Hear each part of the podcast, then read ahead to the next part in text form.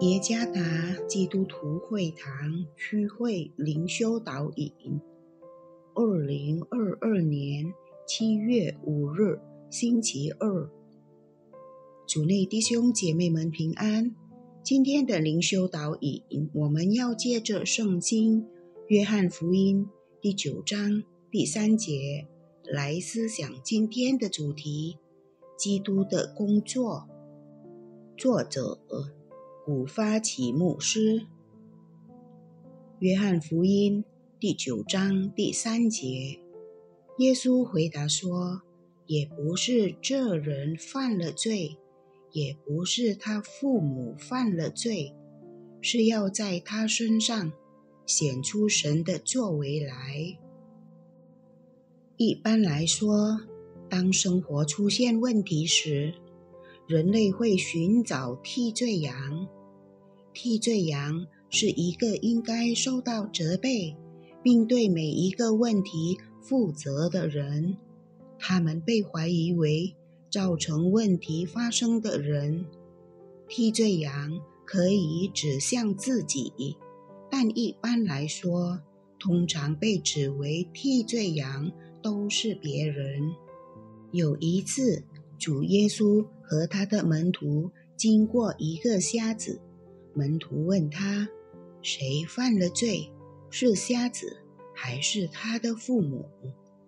在犹太人的理解中，一个人是因犯罪而失明，这就是为什么盲人在他们的社区和家庭中无处可容。他们被认为是社会的垃圾，被边缘化和遗弃。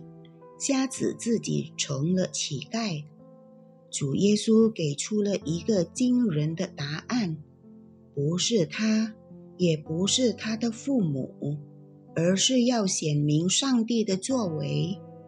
另外的翻译说，他失明不是因为他自己的罪或他父母的罪，而是让人们可以看到上帝在他身上。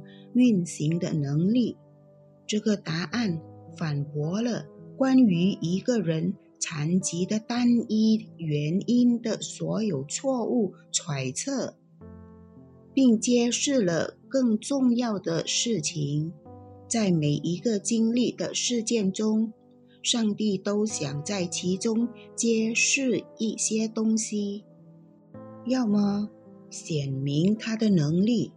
或是显明他对他子民的公益计划。确定问题的原因很重要，但更重要的是了解问题发生的目的和意图。不要专注于寻找替罪羊，而要知道，在每一个问题、困难和痛苦中。上帝想要揭示一些东西，这又是关于上帝，而不是关于我们。愿在我们所经历的每一次挣扎和痛苦中，无论是疾病、失落、家庭问题，还是其他任何事情，上帝的工作可以显明，基督。也可以得荣耀。愿基督的工作在我们生活的困难中持续的彰显。主耶稣赐福。